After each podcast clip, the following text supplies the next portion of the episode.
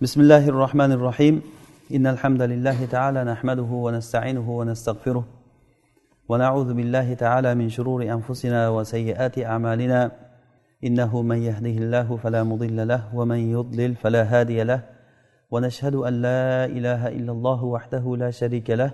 ونشهد أن محمدا عبده ورسوله. صلى الله عليه وعلى آله وصحابته ومن اهتدى بهديه إلى يوم الدين. وسلم اللهم تسليما كثيرا أما بعد alloh subhanava taologa hamdlar bo'lsinki bizni mo'min qilib qo'ydi avvalambor alloh taolo bizni inson qilib yaratdi va insonlar ichida mo'minlar toifasidan qildi va mo'minlar ichida rasulullohni ummatini toifasidan qildi va rasulullohni ummatini ichida ahli sunna va jamoatdan qildi va ahli sunnat jamoatini ichida bizga ilm talab qilishlikka alloh taolo o'zi tavfiq berdi. Xuddiki ali roziyallohu anhu kumaylga aytgan aytganlari kabi bilginki odamlar to'rt toifa bo'ladi. Birinchisi alimun robbaniy ya'ni alimun robbaniy degani olim va ilmiga amal qiladigan olim kishi. Ikkinchisi mutaallimun ala sabili najah ikkinchisi najot yo'lida to'g'ri yo'lda yuradigan mutaallim kishi. Olimi rabboniy bo'lishlik ko'p kishiga nasib bo'lmaydi qiyin. Ommaga bunday bo'lishlik qiyin. Lekin biz mutaallim ala sabili najah bo'lishligimiz kerak. Ya'ni to'g'ri yo'lda ta'lim oluvchi odam. Mana shu muhim. Muhim yo'lda oxiriga yetib borish emas muhim to'g'ri yo'lda ketish. Agar sekin sekin yursak ham shu yo'lga tushib olish degani. Bu yo'l rasululloh sollallohu alayhi vasallamni yo'llari sahobalarni yo'llari bu. Qiyomat kunigacha mana shu yo'lda turadigan kishilar bo'ladi inshaalloh. Rasululloh sollallohu alayhi vasallam aytganlarki ummatimdan bir toifa kishi bo'ladi ular haqda zohir bo'lib turishadi. Toki qiyomat kelguncha yo o'limlari kelguncha qiyomat kelguncha mana shu toifa toifa mansura haqda turadigan to'g'ri toifa bo'ladi inshaalloh. Alloh subhanava taolodan so'raymizki bizni mana shu toifadan qilsin. Alloh taolo kimni yaxshi ko'rsa o'zini tanitib qo'yadi. Olloh kimni yaxshi ko'rsa boylik bermaydi unga. Yo yaxshi ko'rgan kishini gavdasini chiroyli qilib qo'yishligi ofiyatda qilib qo'yishligi hech kasal bermasligi dunyoda bir qiyinchilik hech qanaqangi muammolarga duchor qilmasligi bu emas alloh taolo yaxshi ko'rgan kishisiga o'zini tanitib qo'yadi. Kimki agar ollohni tanisa baxtli inson o'sha o'sha xursand bo'lsin. Ollohni fazli bilan ollohni rahmati bilan biz xursand bo'laylik. Shunga alloh taologa hamdlar bo'lsinki bizga olloh tavfiq berdi. Ollohni o'zi bilan tanishishlikni boshladik. Alloh taoloni ism sifatlari orqali olloh o'zini kitobida rasuli sollallohu alayhi vasallam sunnatida ollohni bizga tanishtirdi. Alloh taoloni ismlari orqali va ollohni qiladigan ishlari orqali olloh kim u qanday zot o'shani tanishtirdi. Asosiy bizda inson bo'lib yaratilishligimizda maqsad ham o'zi shu ollohni tanishligimiz. Alloh taolo qur'onda aytganki men inson va jinlarni menga ibodat qilishligi uchungina yaratdim degan alloh taolo.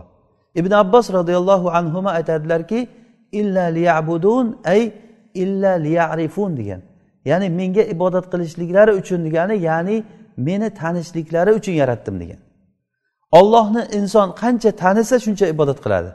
Ollohni tanimagan kishi allohga ibodat qilolmaydi ollohga qalbingizda qanchalik darajada ma'rifat bo'lsa shunchalik darajada ollohni yaxshi ko'rasiz shunchalik ollohdan qo'rqasiz va ollohga mana shu bilan ibodat qilasiz. Demak bu uchun biz ilm olmasdan turib ilojimiz bo'lmaydi. Ilm olish deganda mana shu ilm halqalarida o'tirib darslarga bir ochiq qalb bilan quloq solishlik mana bu bizga foydali ilmni beradi. Rasululloh sollallohu alayhi vasallamni yonida yurgan sahobalar aksari o'qish yozishni bilmagan. Aksari o'qish yozish sanoqli bo'lgan o'qish yozishni bilganlar masalan abu hurayra o'qish yozishni bilmagan. Eng ko'p rivoyat qilgan rasulullohdan hadisni lekin qanchalik olim bo'lgan ular ular shariatni qanchalik tushungan? Bizga mana shu narsa muhim. Shariatni to'g'ri tushunishligimiz kerak. Kimgaki alloh taolo agar yaxshilikni xohlasa uni dinda faqih qilib qo'yadi. Ya'ni nima degani faqih qiladi degani? Dinni to'g'ri tushunadigan qilib qo'yadi. Man yuridillahu bihi xayron yufaqihu fiddin demak alloh taoloni biz tanishligimiz uchun ollohni tanitadigan eng yaxshi yo'l ollohni ism sifatlari orqali ollohni tanishligimiz. Eng to'g'ri yo'l bitta yo'l o'zi shu. Ollohni ism sifatlari orqali shundan biz aytib o'tdikki alloh subhanava taoloni ismlari to'qson to'qqizta ismi bor deb rasululloh sollallohu alayhi vasallam aytdilar. Bu degani boshqa ismlari ham bor lekin agar shu to'qson to'qqiztani kim puxta egallab shuni muhtazosiga shu ismdan kelib chiqqan narsaga agar amal qilsa jannatga kiradi degani. Bizni najot topishligimiz uchun jannatga kirishligimiz uchun shu to'qson to'qqizta ism yetadi degani. Masalan biz ollohni rahmon rahim ismini o'rgandik o'tganda masalan. Har bir ismni o'rgangan paytimizda muhim bir qoida buni e'tibor qaratingizlar har bir ism sifatida o'rgangan paytimizda biz o'sha ismni ma'nosini avval tushunishimiz kerak. Birinchi lug'aviy ma'nosini tushungandan keyin uni shar'iy ma'nosi. Misol uchun ollohni latif degan ismini o'rgandik. Ollohni latif degan ismini ma'nosi nima degani? Latif degani xabardor biluvchi degani. Latif degani qiladigan ishlarini unuf bilan qilmasdan qo'pollik bilan dag'allik bilan qilmasdan juda ham muloyim qiladigan zot va sekin sekin shoshmasdan qiladigan zot va yana latifni ma'nosi maxluqotlariga bildirmasdan yaxshilik qiladigan zot degani.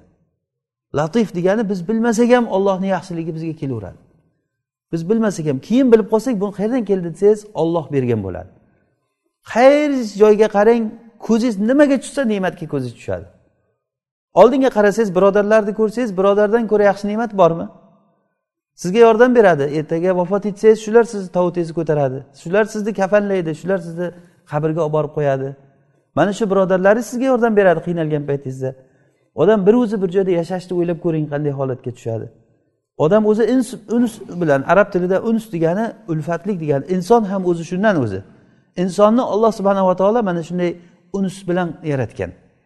Demak inson qaysi bir joyga qarasin bir ne'matga ko'zi tushadi. Qancha ne'matlarni biz bilmaymiz. O'sha bilmagan ne'matlarimizni alloh taolo bizga beryapti. Hali eshitmaganmiz ham xayolimizga ham kelmagan. Hali bu biz ko'zimiz ko'rgan o'zimiz bilishligimiz mumkin bo'lgan ne'matlarni bilmaymiz. Bilmagan ne'matlarimiz qancha? Bu koinotdan boshqa tepada masalan osmondagi biz uchun kerakli bo'lgan narsalar qancha? Jannatda qancha ne'matlar bor hali uni bilmaymiz. Jannatda shunday bir ne'matlar borki ko'z ko'rmagan quloq eshitmagan biror bir insonni qalbiga kelmagan ne'matlarni alloh taolo tayyorlab qo'ygan.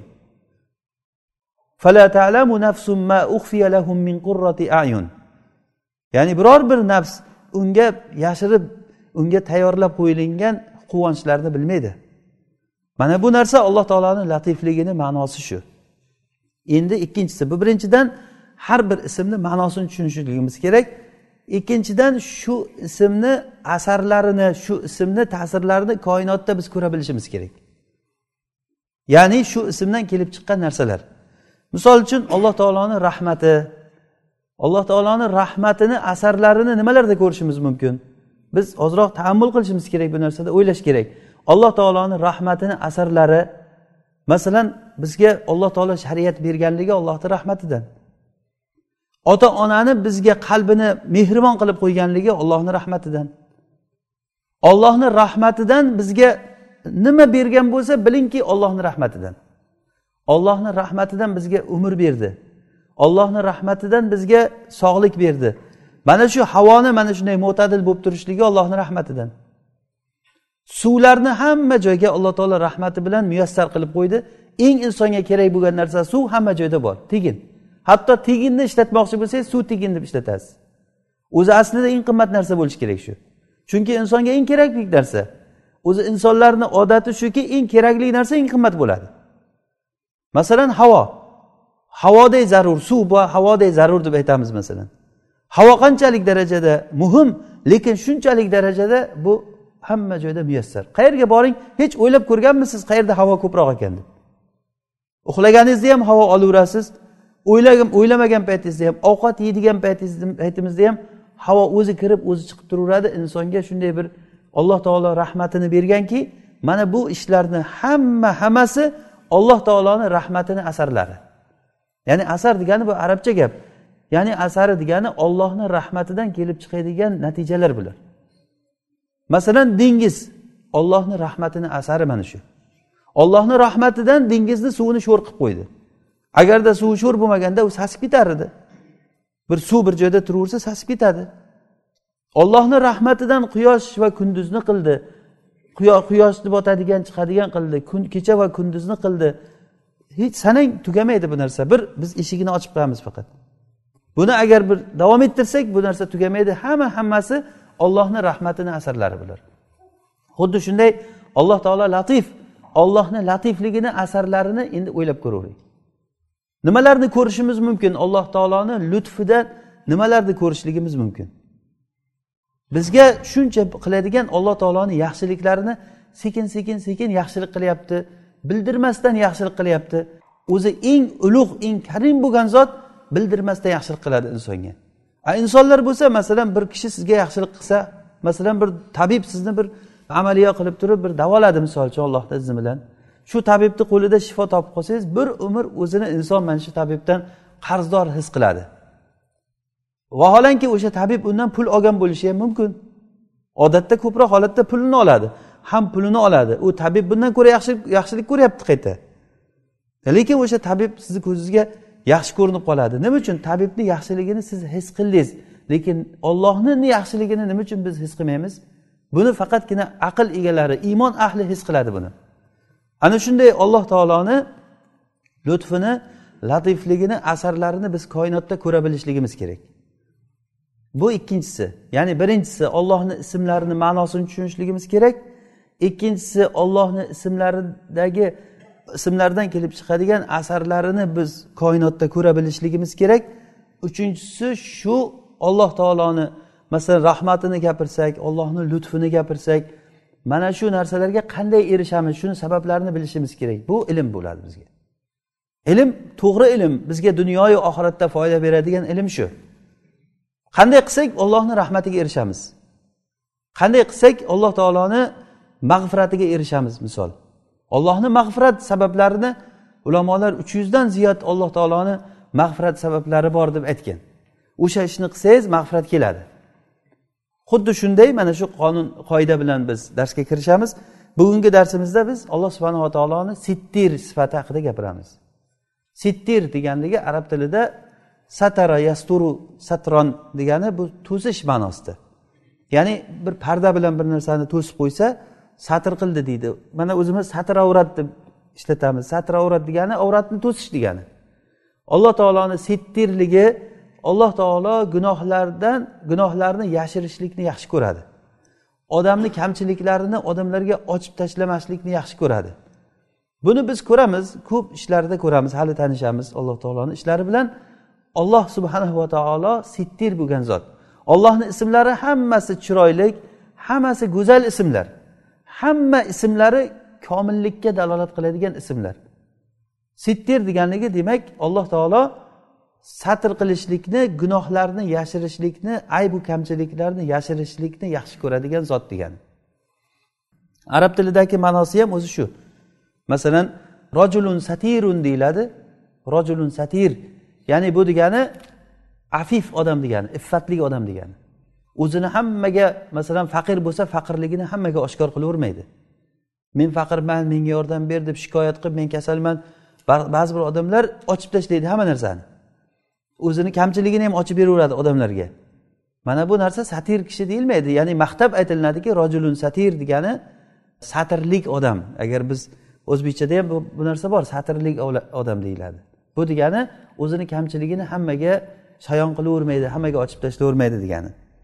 alloh subhanava taoloni sittir ismi qur'onda kelmagan bu faqat sunnatda kelgan abu davud rivoyat qilgan hadisda rasululloh sollallohu alayhi vasallam aytadilar bir kishini rasululloh sollallohu alayhi vasallam bir kishini yalang'och yuvinayotganligini ko'rdilar roan nabiy sollallohu alayhi vasallam rojulan yaghtasilu uryanan فحمد الله وأثنى عليه فقال إن الله حيي ستير يحب الستر والحياء rasululloh sollallohu alayhi vasallam rasululloh sollallohu alayhi vasallam bir kishini yalang'och holatda yuvinayotganligini cho'milayotganligini ko'rdilar va minbarga chiqib ollohga hamd aytib sano aytib keyin aytdilarki alloh taolo hayolik satrni yaxshi ko'radigan zot. Innalloha hayyun sittir. Sittir deganligi mana shu insonni avratini yopilishligini yaxshi ko'radi alloh taolo. Mana shu uchun ham insonni shunday yaratdiki hayolik qilib yaratdi insonni. Agarda sizlarni bittalaring yuvinsanglar to'sinib yuvinsin dedilar. Ya'ni falyastatir. To'sinishligi yo ustidan eshikni yopib turib to'silsin yoki bo'lmasa ustiga bir narsa agar yopilish iloji bo'lmasa masalan ochiq joyda yuvinadigan bo'lsa ustiga bir narsa o'rab yuvinishlik kerak. Mana bu ishni olloh subhanava taolo yaxshi ko'radi.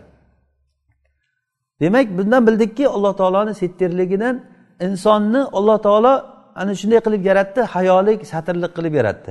Inson o'zi fitrati bilan shunday yosh bola ham xuddi shunday bo'ladi. Unga hech kim o'rgatmasa ham o'zini avratini o'zi to'sadigan bo'ladi. Illo u kino ko'rib yoki bir o'zini ota onasidan yo boshqa muhitlardan mana maktablardan boshqa yerlardan ko'rib ko'rib behayolikka o'rganib qolib fitratiga teskari bo'lib qolgandan keyin keyin bemalol avratini ochaveradi. O'zi aslida ayol kishi ro'mol o'rab hijobini o'rab yurishlik bilan yaratilingan. Mana shunday yaratilgan ayol kishi. Satrini ochib turib ko'chada bemalol avratini odamlar ichida ochib yurgan ayolda fitrati o'lib bo'lgan degani u qalb o'lik qalb degani. Qalbi o'lib bo'lgandan keyin inson o'zini fitratiga teskari amal qiladi.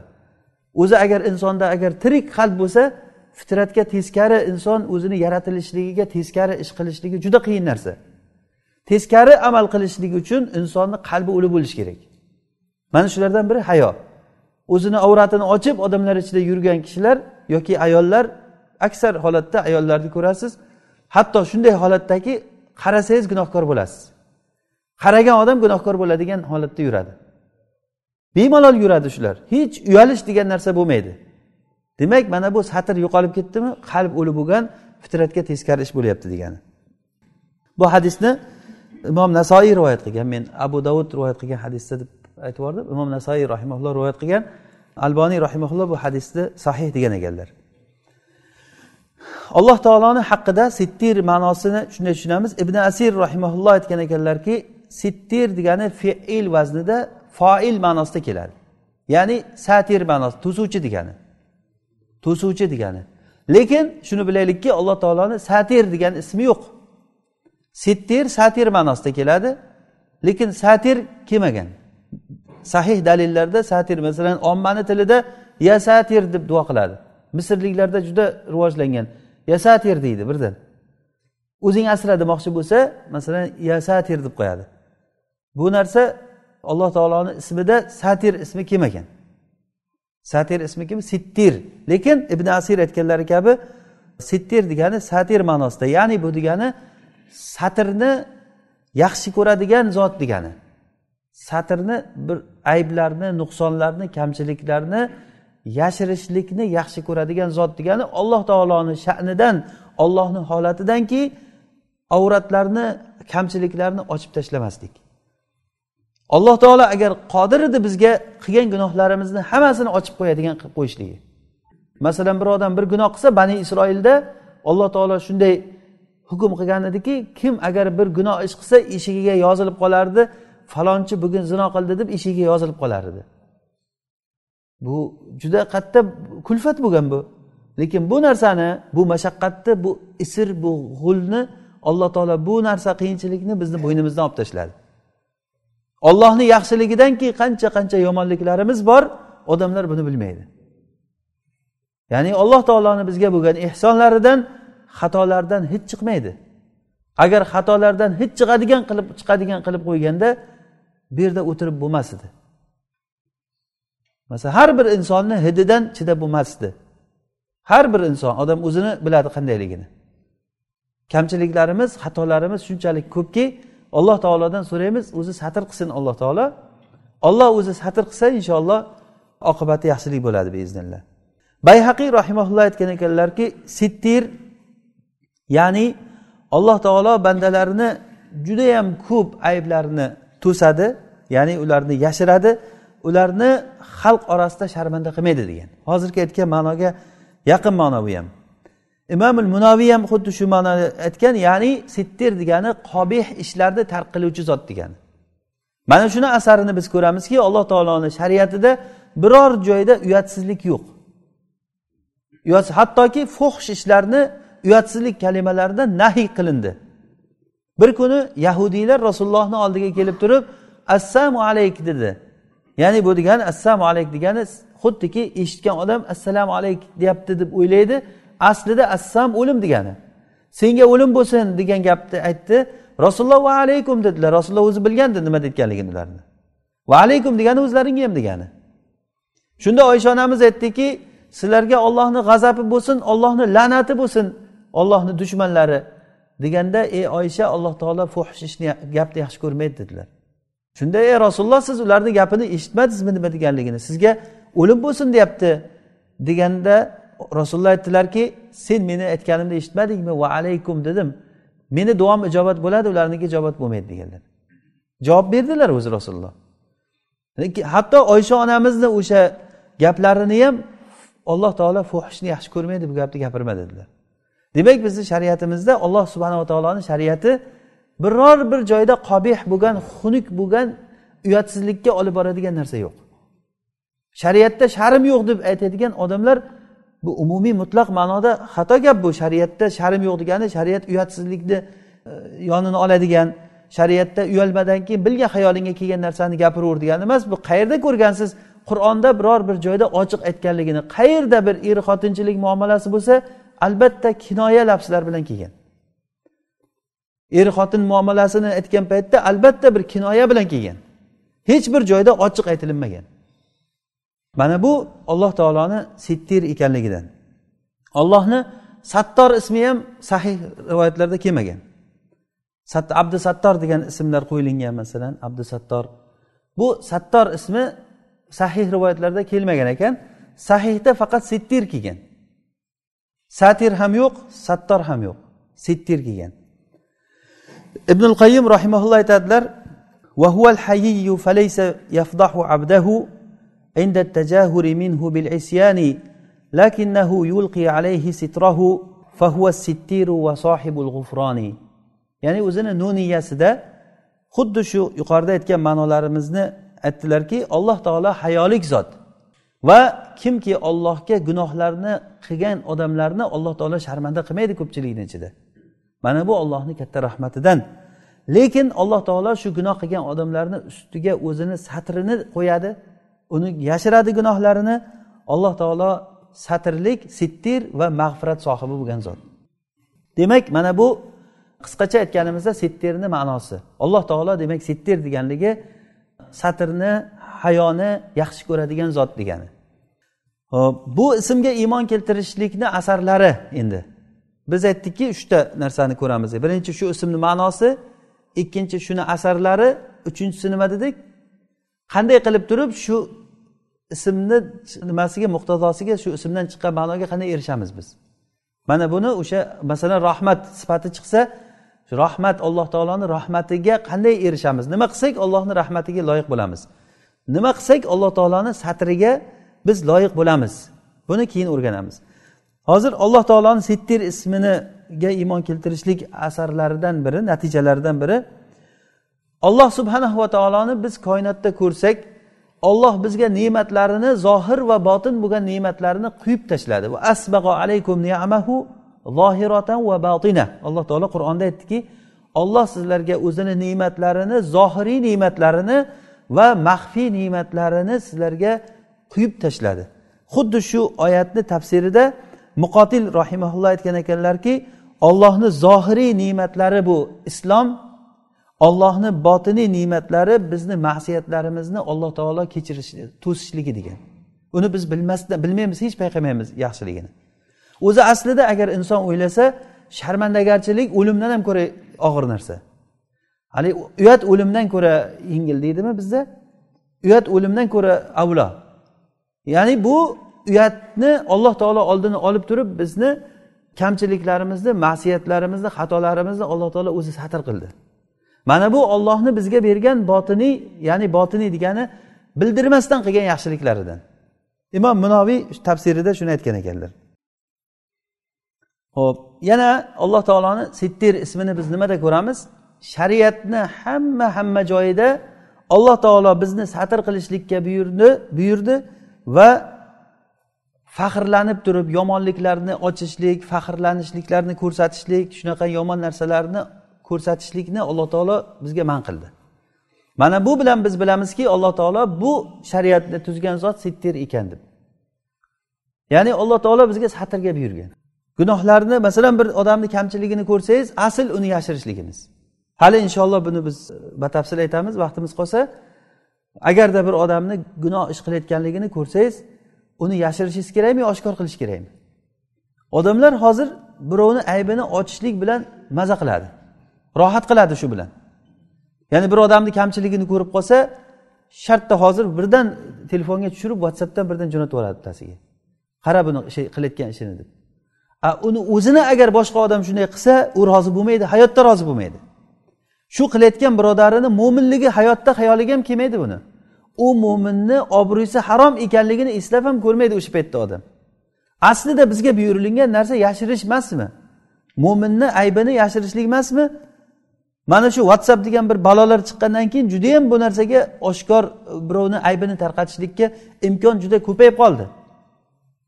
Bemalol inson kulib birovlarga xursand bo'lib turib mo'minlarni aybini boshqalarga tarqatilinadi bilib qo'ysinki o'sha odam kim agar bir mo'min birodarini aybini chuqalab orqasidan yursa alloh taolo uni aybini orqasidan tushadi. Kimniki olloh orqasidan orqasidan tushsa agar olloh uni uyida o'tirgan joyida sharmandasini chiqaradi. Bunda shak shubha yo'q bunda sahih hadis kelgan. Agar kimniki alloh taolo agar sharmanda qilmoqchi bo'lsa olloh asrasin o'zini qo'li bilan o'zini sharmanda qilib qo'yadi kishini. Kim bunga kafolat bera oladi men sharmanda bo'lmayman deb. Men sharmanda bo'lmayman deb hech kim kafolat berolmaydi shu uchun o'shanga qarab ish tutish kerak. Al jazau min jinsil amal. Jazo amalni jinsidan bo'ladi. Siz qanday bo'lsangiz sizga shunday muomala qilinadi. Agar insonlar sizni bilmasligi mumkin lekin robbil alamin bilib turibdi. Niyatingiz nima ekanligini robbil alamin bilib turibdi. Ba'zi odamlar niyati xud o'zi niyati buzuq lekin o'zini xalqni manfaatini ko'zlaydiganday hamma ommani bir nimasida e, qayg'usida yurganday ko'rib birovni bitta aybini bilib olsa ommani oldiga olib chiqib keyin bu yoqqa javob ber odamlarni oldida deb sharmanda qildirib shuni maza qiladi shu bilan. Xuddi o'sha odam o'ziga savol bermaydiki o'zing kimsan? deydigan savol yo'q. Shuning uchun biz bilishimiz kerak bu narsa bizga foydali ilm bu. Satr qilishlik alloh taoloni yaxshi ko'rgan ishi bu. Chunki alloh taolo sittir zot. Rasululloh sollallohu alayhi vasallam xabar berdilarki ummatimni hammasi ofiyatda yuradi illo jahriy qilgan odamlar ofiyatda bo'lmaydi. Va o'sha jahriy qilishlikdan bir turi kishi kechasi bir gunoh ishni qiladi. Ertalab uyg'onganda alloh taolo bu gunohini yashirgan bo'ladi. Keyin odamlarga chiqib men falonday falonday falonday ma'siyatlarni qildim deb aytadi. Mana bu narsa undan ofiyatni ketkazadi. Alloh taolo unga satr qilib turib to'ssa u o'zini o'zi satrini ochib tashlaydi. O'sha uchun agar gunoh qilgan bo'lsa ham kishi gunoh qilgan bo'lsa ham gunohidan tavba qilib turib o'sha gunohini modomiki olloh satr qildimi uni boshqa odamga ochmaslik kerak. Ochmasligini olloh yaxshi ko'radi. Agar ochmasa bu odam ofiyatda bo'ladi. Gunohini ochgandan keyin o'ziga o'zi qilgan bo'ladi. O'ziga o'zi qilgan bo'ladi. Xuddiki eshikni bir nimaga sovuq kirishligi uchun eshikni ochib qo'ysangiz sovuq albatta kiradi. Kim ochdi? O'zingiz ochdingiz uni. Kirmoniy rahimaulloh aytgan ekanlarki gapni xulosasi ummatimdan kim agar gunoh qilgan bo'lsa ofiyatda bo'ladi o'sha gunohidan u bilan javobgar bo'lmaydi illo gunohini oshkora qiluvchi fosiq kishi ofiyatda bo'lmaydi. Fosiq kishini g'iybati ham bo'lmaydi. Ya'ni fosiq deganda fisqini oshkor oshkor qilayotgan odam. Shuning uchun ham shariatda gunoh ish qilishlikni maxfiy qilgan odam bilan oshkor qilgan odamni farqi bo'ldi. Aroq ichib uyida aroq ichib yotgan odam bilan ko'chada dabdirab yurgan odamni farqi bor. O'zini o'zi osib o'ldirgan odam masalan o'zini o'zi osib yo o'zini bir joniga qasd qilib o'ldirsa bu odam ma'siyatni oshkor qilgan bo'ladi. Chunki uni o'limi oshkor bo'ladi. Ana o'sha uchun o'shanga janoza o'qilmasin deyilinganligi shundan uni kofir bo'ldi deganligi uchun emas u aslida u bejanoza ko'milmaydi unga janoza o'qiydi kimlardir. Lekin janoza o'qilmasin deganligi musulmonlarni katta bir jamoasi masalan amirul mo'minin yoki qozi yo muftiy yo katta ko'zga ko'ringan ulamolar uni janozasini o'qimaydi. Uni janozasini omma odamlar bir ozroq xalq o'qiydida janozasi o'qib ko'madi. Xuddiki rasululloh sollallohu alayhi vasallam islomni boshlarida avvallarida baytul molda hali uncha mablag' yo'q bo'lgan paytda qarzdor kishilarni janozasini o'qimasdilar. Agar bir mayit olib kelinsa buni qarzi bormidi? deb so'rardilar. Qarzi bor edi deyilsa birodarlaringni janozasini o'qinglar deb turib o'qimay ketardilar. Boshqa mo'minlar o'qigan uni lekin rasululloh o'qimaganlar. Bu odamlarga juda katta tarbiya bo'lganki agar men o'lib qolsam janozamni rasululloh o'qimaydi. Shuning uchun qarzdor bo'lmaslikka harakat qilgan. Keyin baytul molda g'animatlar ko'payib baytul molda pul bo'lgandan keyin rasululloh sollallohu alayhi vasallam aytdilarki men mo'minlarga o'zlaridan ko'ra avloman. Kimni qarzi bo'lsa men to'layman dedilar. Qarzi bo'lsa o'zlari to'lab o'zlari janozasini o'qirdilar. Agar merosi bo'lsa uni merosxo'rlarga tarqatilinardi satr bilan mag'firatni o'rtasida farq bor. Hozir biz satrni o'rganyapmiz. Satr degani bu dunyoda masalan satr qildi degani alloh taolo mag'firat qildi degani emas bu. Lekin olloh agar mag'firat qilsa u albatta satr qilgan bo'ladi. O'sha uchun ham mag'firat qilishligi bu umumiyroq har bir mag'firat qilingan odam alloh taolo albatta satr qilgan bo'ladi lekin satr qilgan odamni alloh taolo mag'firat qildi degani emas bu. Keyin mag'firat albatta qiyomat kunida natijasi bilinadi. Ammo satrni natijasi bu dunyoda ham bilinaveradi. Buni hammamiz ko'rib turibmiz hozir. Satr asarini aytib yotish kerak emas o'zi. Hammamizda buni boshimizdan o'tgan narsa qancha qancha gunohlarimiz bor alloh taolo ertadan kechgacha bu narsani shuncha vaqtlardan beri o'zi satr qilib kelyapti odamlarni esdan chiqarib kelyapti hatto o'zimizni ham esimizdan chiqarib yuboryapti alloh taolo. Qilgan gunohlaringiz o'zizni ham esingizdan chiqib ketgan. Yani bu alloh taoloni katta bir rahmati bu. Ho'p ana endi uchinchi bosqichga o'tamiz. Biz bu ism sifatlarda uchga bo'lib o'rganamiz dedik. Birinchisi ollohni sittir ismini ma'nosi ikkinchisi shu ismni voqedagi asarlari ta'siri natijasi buni ko'rdik biz. Qanday bildik? Shariatni qaradik masalan shariatda alloh taolo bizga faqat satrga buyurgan alloh taoloni o'zini qiladigan ishlarini ko'rsak alloh taolo sharmanda qilib tashlamagan ekan. Ollohni sittirligini bitta yaxshiliklardan biri xatolardan hech chiqadigan qilib qo'ymagan ekan. Agar xatolardan hech chiqadigan qilib qo'yganda edi bir odam masalan faraz qiling bir gunoh ish qilsa hech chiqib ketsa mumkinku masalan inson ichidan havo chiqsa qanday hid chiqadi masalan? O'shanday hid chiqadigan bo'lganda edi hamma joy hidlik bo'lib ketar edi. Alloh taoloni sittirligi uchun bu narsa xuddi bilinmagandek bo'ldi. Gunoh ish qiladi kishi avliyolarga o'xshab uydan chiqib kelaveradi.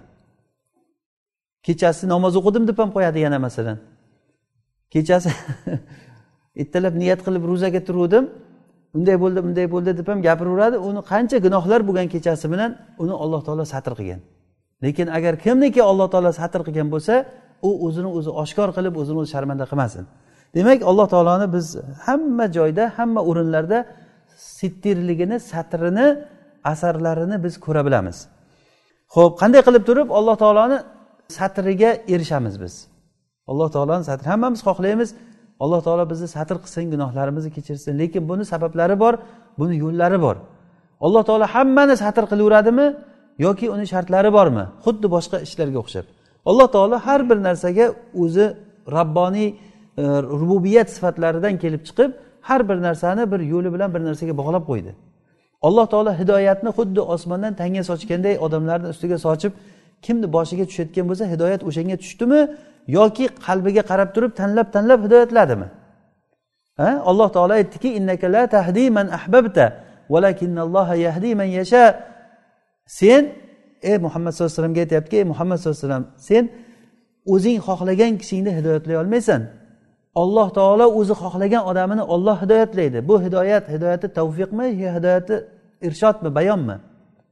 Alloh taolo hidoyatlaydi deyapti. Hidoyati tavfiq ya'ni alloh taolo o'zi xohlagan kishisiga tavfiq beradi. Lekin ollohni bu tavfiq berishligi nimaga qurilingan ollohni ilmiga va huva alamu bil muhtadin.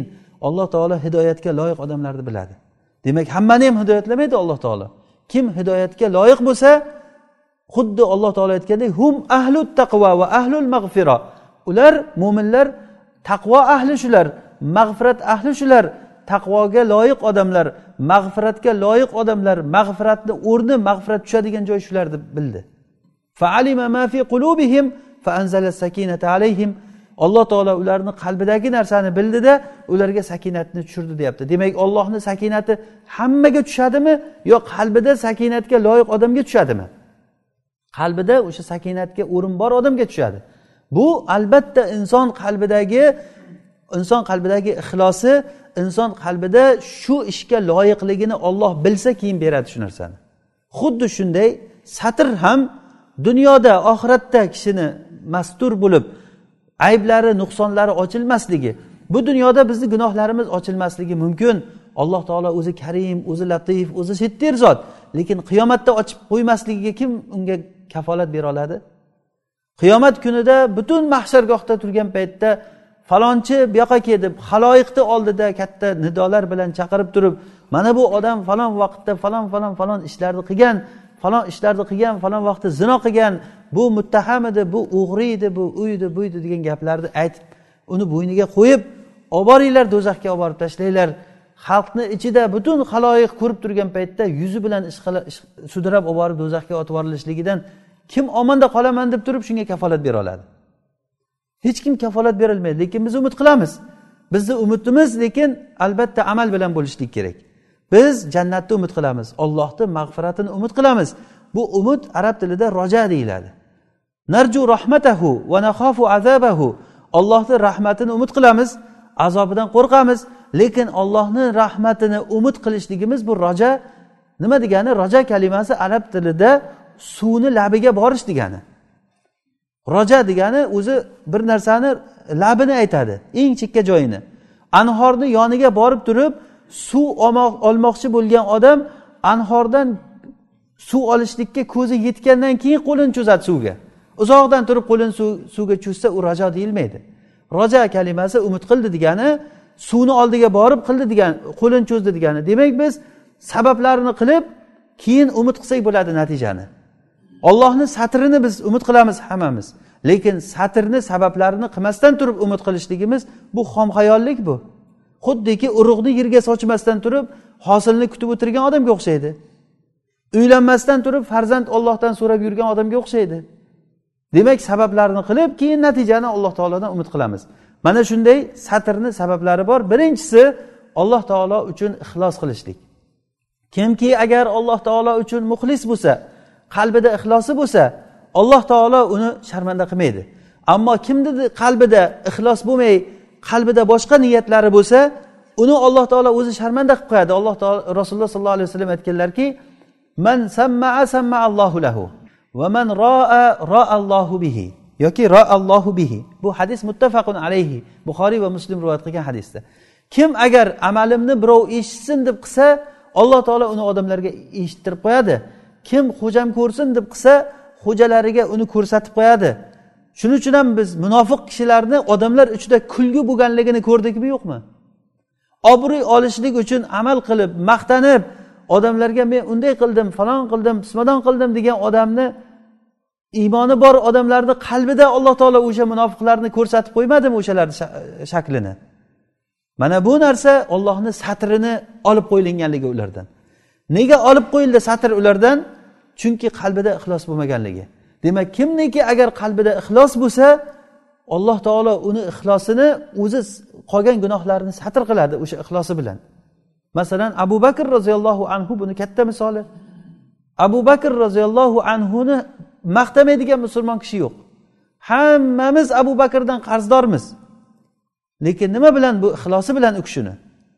Mana shu narsani u kishida shunchalik sidiq bor ediki ana shu sidiqini alloh taolo u kishi qancha maxfiy qilsa olloh shuncha oshkor qildi. Qanchalik darajada ixlosingizni agar maxfiy qiling alloh taolo shunchalik darajada sizni ixlosingizni oshkor qiladi. Bu dunyoda oshkor bo'lmasa oxiratda albatta taroziga qo'yiladi u. Taroziga qo'yilgan kunda oshkor bo'ladi albatta. Demak birinchi satrni sabablaridan birinchisi alloh taolo uchun ixlos qilishlik. Ikkinchisi gunohni jahriy qilmaslik. Agar gunohni jahriy qildimi ollohni satrini o'zi yirtdi degani bo'ladi gunohni jahriy qilgan kishi masalan ayollar hijobsiz ko'chada yurgan ayollar gunohni jahriy qilyapti degani bu. Bundan boshqa jahriylik bo'lmaydi o'zi. Gunohni maxfiy qilish bor bu degani maxfiy qilaver degani emas bu. Agarda jahriy qilsa yana ham u zulumatun ba'd bo'ladi. Ya'ni zulumotlar ustiga zulumot bo'ladi bu. Jahriy qilingan gunohni kechirilishligidan ko'ra maxfiy qilingan gunohni kechirilishligi osonroq. Alloh taologa o'zi hammasi oson lekin ollohni shar'iy va kavniy sunnatidan biz shuni o'rgandikki alloh taolo jahriy qilgan kishini gunohini ko'pincha kechirmas ekan. Gunoh jahriy bo'lsa bu qiyin bo'ladi. Zulm oshkor bo'lsa zino oshkor bo'lsa aroq ichishlik oshkor bo'lsa ko'chada hamma dabdirab yursa mast bo'lib. Yurgan yo'lida odamlar erkak ayol o'tirib olib turib har xil zino ishlarini ko'chada qilaversa uyat degan narsa bo'lmasa maktab o'quvchilari ko'chada mana shunaqangi bir faxsh ishlarini bemalol xuddi uyda uyda ham uyaladi odam bu ishni qilgani. Ko'chada hammani oldida xuddi hech kim yo'qdek metroda avtobuslarda hamma joyda jamoat joylarida istirohat joylarida o'tirib olib turib butun jamoat joylarida bilgan ishini qilib o'tirishligi bu juda katta hayosiz bo'lishi kerak inson bu uchun. Mana bunday bo'lsa ollohni satrini umid qilib o'tirmasin odam.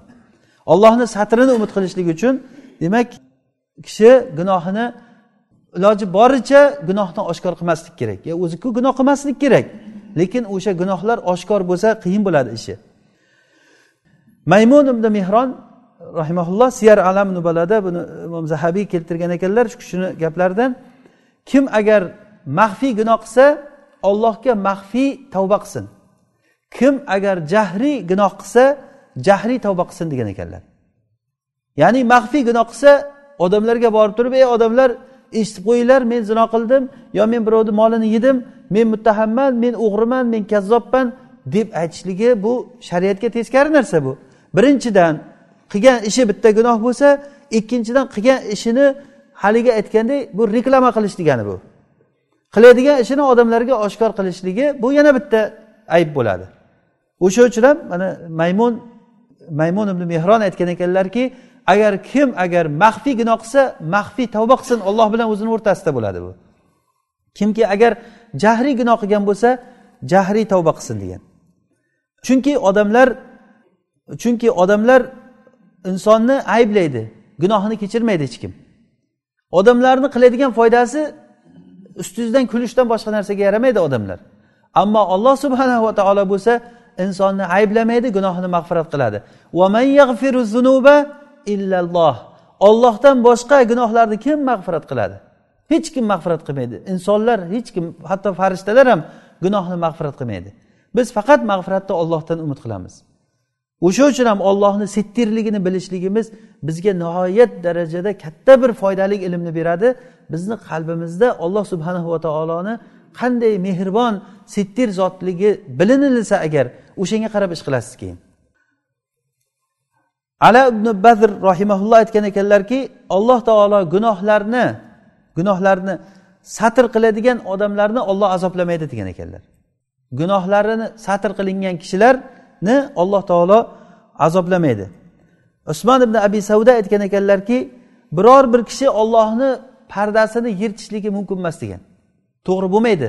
Shunda u kishidan so'ragan ekanki ollohni pardasini qanday qilib yirtadi deganda aytgan ekanlarki bir kishi gunoh ishni qiladi olloh taolo uni gunohini satr qilsa keyin o'zi chiqib uni odamlarga oshkor qiladi. Mana bu ollohni pardasini ochib tashlash degani. Xuddi o'zini avratini o'zi odamlar ichida ochganday bo'ladi. Akramakumulloh buni o'xshatish bo'lsa xuddi shunday bo'ladi. O'zini avratini odamlar ichida ochganday bo'ladi. Kim shu ishni qiladi? Qaysi aqlli odam o'zini avratini ochadi? Hech qaysi bir aqlli odam fitrati salomat bo'lgan odam o'zini aybini odamlar ichida o'zini avratini o'zi ochmaydi.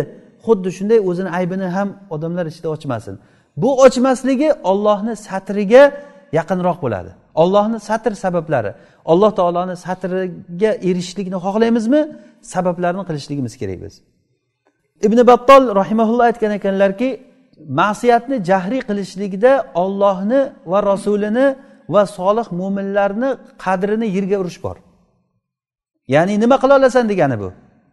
Xuddiki rasululloh aytganlari kabi agar sen ollohdan qo'rqmasang maxluqdan uyalmasang bilgan ishingni qilaver deganlariga o'xshab inson agar ollohdan qo'rqmasa maxluqdan uyalmasa hamma ishni qilaveradida bu odam. Uni qaytaradigan narsasi bo'lmasa o'zi insonni shu ikkita narsa qaytaradi. Yo robbisidan qo'rqishligi yo urf odatdan uyalishligi. Bu liberaliya degan narsa shuni o'rgatadiki mana shunaqangi insonni qaytarib turadigan quyutlar ya'ni bu qizil chiziqlar deymizmi o'sha qaytarib turadigan narsalarni olib tashlab insonni ozodga aylantirishlikni xohlaydigan bir yo'l bu liberaliya degani. Hech qanday insonni qaytaradigan biror bir qoida rioya qilinmasligi kerak. Na din na urf odat na bir mahalladan uyalishlik hech bir narsa. Nima xayolingga keladi qilaver. Yalang'och yurgim kelyapti desa yur. Ayollarga o'xshagim kelyapti desa o'xsha. Nima qilsang qil. Erkak bilan uylanmoqchiman uylan. Mahkamaga kelgin senga hujjat qilib beramiz. Qaysing ersan qaysing xotinsan kelishib olgin qo'l qo'yib beramiz biz. Mana bu liberaliya degani bu. Insoniylikka teskari narsa bu. Butun insoniylik bu fitratni o'lib bo'ldi degani bunaqangi odamlardan tamoman umid yo'q degani. Ularga agar ollohni azobi kelishligiga tayyor turibdi degani bu odamlar. Illo alloh taolo o'zini mag'firati bilan o'zini rahmati bilan o'ramasa odamlarni ahvoli qiyin bunday holatda. Jamoat jamoat bo'lib turib muzoharatlar qilib turib mitinglar qilib turib bizga huquqimizni bergin bachchavozlarga sharoit qilib bergin deb chiqqan odamlarga nima deyish mumkin endi ularni? Bu satr qoldimi? Nima qoldi bu yerda? Bu satrni sabablari emas o'zlarini o'zlari aytyaptiki va akramakumulloh men bachchavozman menga sharoit qilib bergin deyapti. Mana shunchalik darajada e, hozir hozir yetishib keldik. Bu liberaliya degani mana shu narsani o'rgatadi. Kimda kim agar ma'siyatni jahriy qilsa ollohni qadrini yerga urgan bo'ladi rasulni qadrini yerga urgan bo'ladi va solih mo'minlarni qadrini yerga urgan bo'ladi. Odamda sal bo'lsa ham uyat bo'lsa sharmi hayo bo'lsa fitrati salomat bo'lsa ollohni va rasulini va solih mo'minlarni qadrini biladi bu odam. Mahalla ko'ydan uyaladi hech bo'lmasa. Mana bu narsalarni ma'siyatni jahriy qilgan odamda bu ishlar bo'lmaydi. Ma'siyatni jahriy qilgan odam bor qayerga borsang bor men bilganimni qilaman degani bu odam. Agarda kishi maqsiyatni jahriy qilmasa maxfiy bo'lsa ishi olloh bilan o'zini o'rtasida qoladi. Olloh bilan o'zini o'rtasida qoldimi siz gumoningizni chiroyli qilingki alloh taolo settir zot albatta satr qiladi inshaalloh. Olloh bilan o'zini o'rtasidagi narsa bu alloh taolodan umid qilamizki bu ollohni satrini umid qilsa bo'ladigan holat bo'ladi. Lekin uni ham shartlari bor. Hozir biz bir qanchasini qo'limizdan kelgancha aytamiz. Buni fathul boriyda ibn hajar rahimaulloh xuddi shu gaplarni aytgan ekanlar. Agarda kishi bir ma'siyat ishga tushib qolib keyin uni jahriy qilmasdan tavba qilsa alloh taolo uni dunyoda ham oxiratda ham inshaalloh satr qiladi. Ibn umar roziyallohu anhu aytgan ekanlar men rasululloh sollallohu alayhi vasallamni aytayotganliklarini eshitdim. Alloh taolo qiyomat kunida bir bandani o'zini oldiga olib keladi.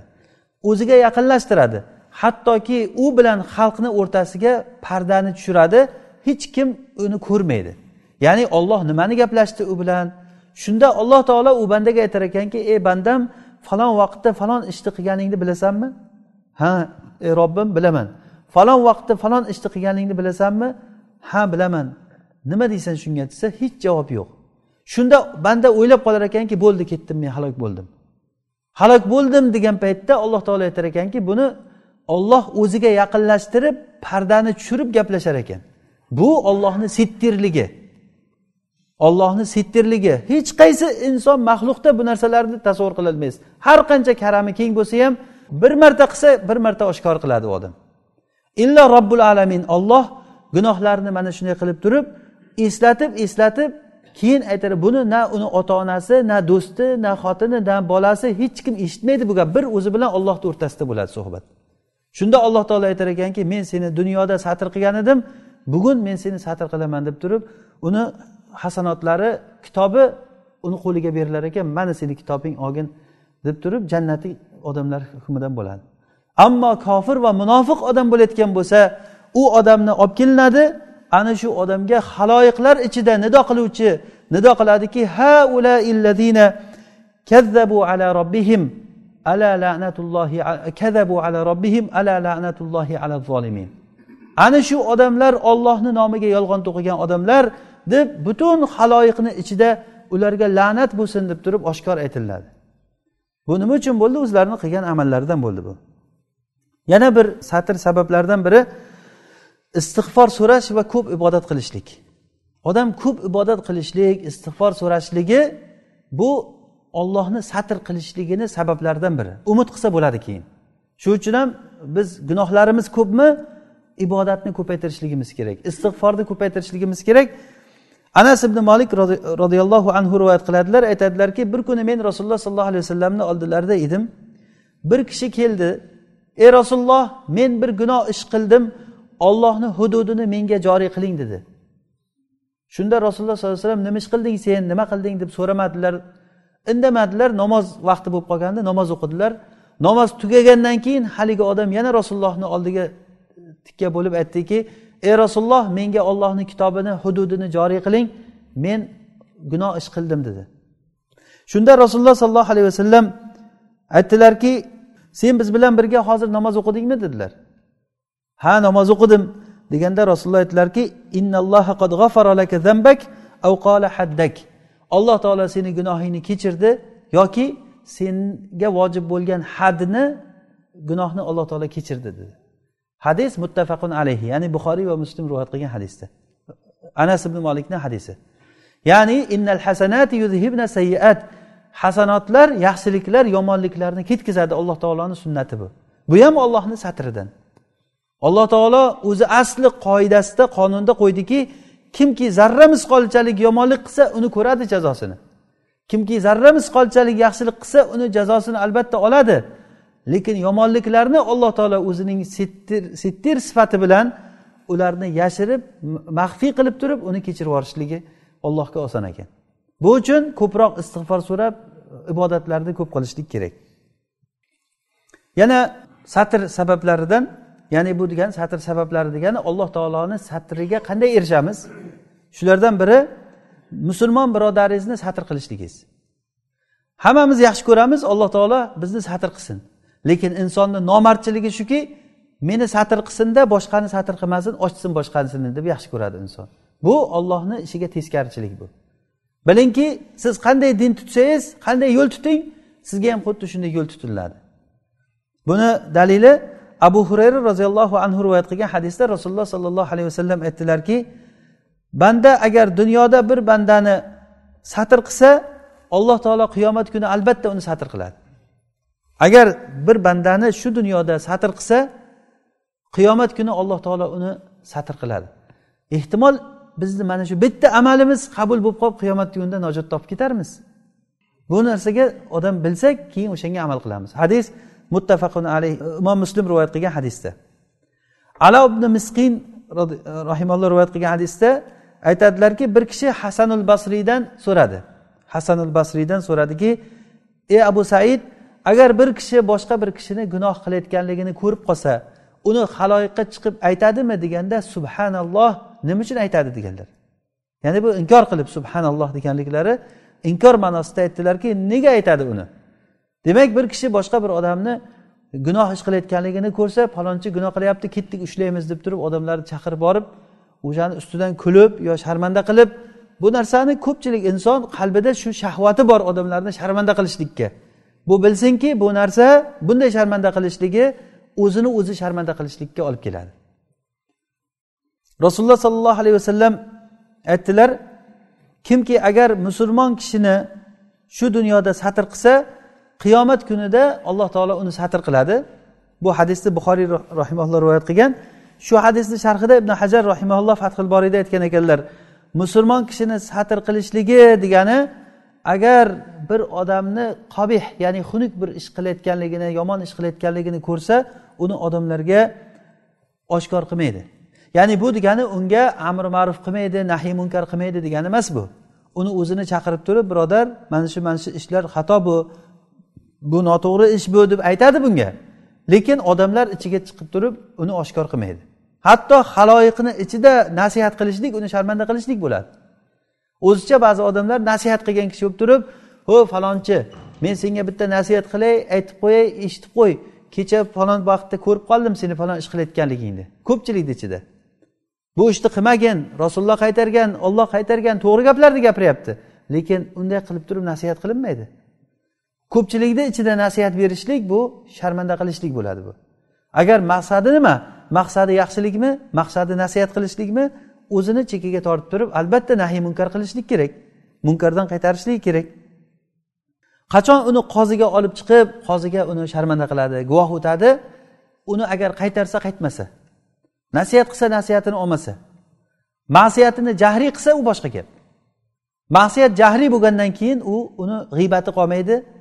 Uni inkor qilishlikda agar o'shanda ham o'ziga inkor qilsangiz qaytsa qaytdi qaytmasa uni e, nimaga qoziga borib turib shikoyat qilishligingiz mumkin bo'ladi. Va ibn hajar rahimalloh aytgan ekanlarki odamlar ikki turlik bo'ladi.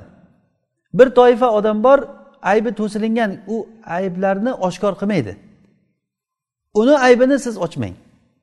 Bu ko'pincha odamlarni hozirgi odatlardan biri ulamolarni aybini ochishlikka ya'ni bo'lib ham oddiy odamlarni emas ulamolarni orqasidan yurib ularni kamchiliklarini topib aynan gapini orasidagi gaplarini terib terib yozib odamlar ichiga tarqatadi. Mana bu falonchini haligi aytganda kalla qo'ygan joylari deb. Falonchini xato qilgan joy uni qancha fazil ishlari bo'ladi qancha afzal ishlari bo'ladi qancha xizmati bo'ladi esdan chiqib ketadi hammasi. Ishi o'shani xatosini topib odamlarga tarqatishlik. Mana shunaqangi toifalar bor. Ishlari darslari ulamolarni so'kish bilan boshlanadi ulamolarni so'kish bilan tugaydi. Ulamolarni xoinga chiqarishlik ulamolarni xatolarini oshkor qilish odamga nima qilyapsan desa xalqni ogohlantiryapman. Xalqni men yomon odamlardan ogohlantiryapman. Kimlar ular yomon odamlar desangiz shu jamiyatdagi hamma olimman degan odamlar sanab beradi bitta bitta. Xato qilmagan kim bor?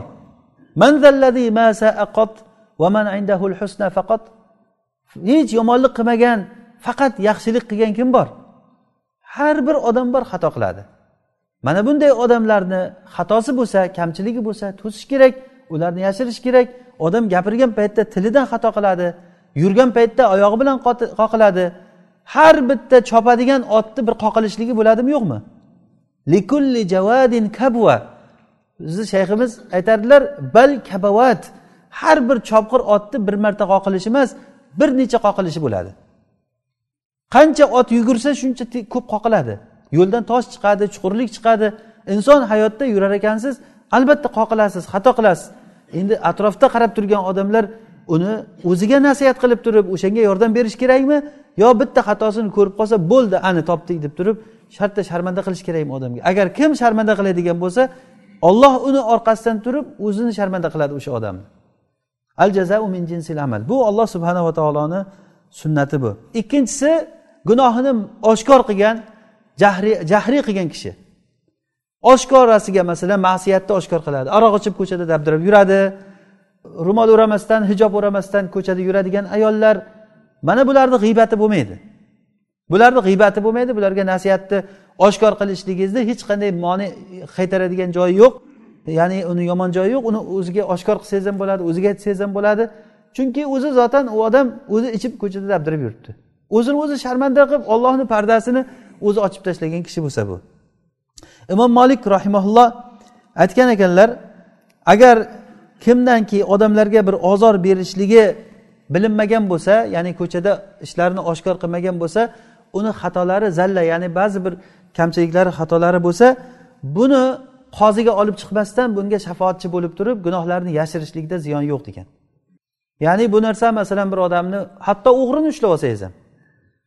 Safvon ibn umayya bir kuni madina masjidida uxlab yotgan paytlarida imom buxoriy rivoyat qilgan hadisda boshlariga ustiga kiyadigan haligi nima kiyimini boshiga yostiq qilib turib uxlab qolganlarida bir bir bola kelib turib bir yigit kelib turib shuni o'g'irlab ketadi. U kishi uyg'onib orqasidan yugurib quvlab ushlab oladi. O'ttiz dirham turadigan kiyim bo'lgan. o'ttiz dirham. Rasulullohni oldiga olib kelgan paytda rasululloh uni qo'lini kesishga buyuradi. Shunda rasululloh ey rasululloh shu bitta o'ttiz dirhamlik kiyim uchun qo'li kesilmasin. Men shuni hadya qildim shunga. Agar hadya qilishlik bo'lmasa sotdim shuni puli nasiya deydi. Shunda rasululloh aytganlarki meni oldimga olib kelmasdan qilsang bo'lmaydimi shu ishni? deganlar. Meni oldimga kelgandan keyin ollohni hududi albatta joriy bo'lishligi kerak degan. demak alloh taoloni hududini oshkor qozini oldiga kelgandan keyin u bajarmay iloji yo'q lekin hatto shu holatlarda ham yashirsa bo'lar ekan allohu alam inshaalloh biz suhbatimizda hali davomi bor alloh taolo bizga foydali ilm bersin eshitganlarimizni o'qiganlarimizni alloh taolo o'zi amal qilishligimizga alloh taolo o'zi tavfiq bersin سبحانك اللهم وبحمدك نشهد أن لا إله إلا أنت نستغفرك ونتوب إليك